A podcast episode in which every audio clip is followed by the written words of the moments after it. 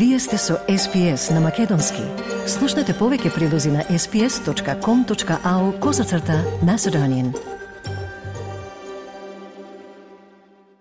На SPS на Македонски јас сум Ана Коталеска. Аргентина е првата селекција која го обезбеди своето место во финалето на светското првенство во Катар по победата над Хрватска.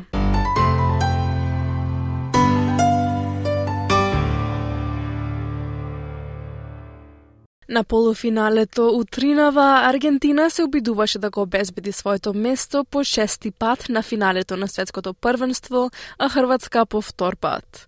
И покрај добриот почеток на хрватите, Аргентина почна да ја зазема контролата по првите 25 минути, иако иронично во контранапад го постигна првиот гол.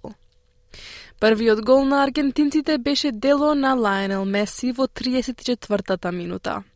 Меси го надмина Габриел Баститута како најдобриот стрелец на Аргентина на светското првенство, постигнувајќи го 11-тиот гол на надпревар на Мундијалот. Пет минути подоцна, топката на Харватите беше пресретната од Аргентина и додадена на Меси. Тој му ја додаде топката на Алварес, кој го постигна вториот гол за репрезентацијата. Еве како Алварес го опиша голот понад преварот. Empecé a ir cuando la agarré, I started running as soon as I got the ball. Some of my teammates went with me, but they weren't open. There were a lot of opposing players around me. I was lucky I managed to keep that ball and score the goal that allowed us to breathe a bit. Со 2 спрема 0 за Аргентина по 39 минути, сонот за уште едно мондиалско финале за синобелите изгледаше се поблиску.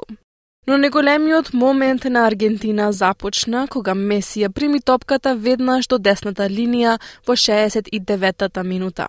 Она што следеше беше конечниот епилог. Еве како коментаторот Мартин Тайлер го опиша тој момент на SPS. Here goes Messi. Another goal, and they won't be worrying too much about how much time is added on. Uh, sensational, sensational, absolutely sensational. Alvarez gets the credit, but Messi's magic is alive and well. The Argentines love him. Most of you will love him.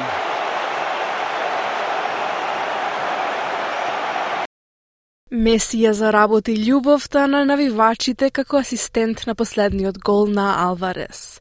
Аргентина 3, Хрватска 0 и така остана резултатот до крајот на надпреварот. Прашањето за тоа кој ќе биде првиот финалист на светското првенство се реши на најспектакуларен начин. Сосеме очекувано, Месија доби наградата за најдобар играч на надпреварот. И може би не е изненадувачки што неговата првична реакција на победата беше повеќе емотивна отколку професионална. Oh, muchas cosas, la verdad que, que pasa muchas cosas por la cabeza.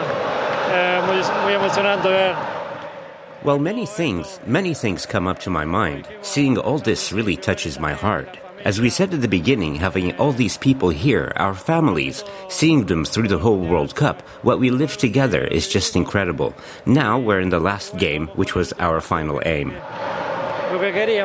No pokraj golem pobednik mora da ima i razočaran gubitnik. И покрај разочаровачкиот резултат за Хрватска, оваа нација од помалку од 4 милиони луѓе повторно настапи далеку над нејзината големина на најголемата сцена во спортот. Може би најмотивниот момент за Харватите се случи во 81-та минута, кога тие кои во основа и се откажаа од победата ја заменија својата суперзвезда Лука Модрич. На 37 годишна возраст, ова најверојатно ќе биде последното светско првенство за најдобриот играч на Хрватска. Ловро Мајер понад преверот се пошегува дека мора да ги носи шорцевите на Модрик. Yeah, he's amazing. This me wearing the, his shorts is accident because I already throw mine and I took his.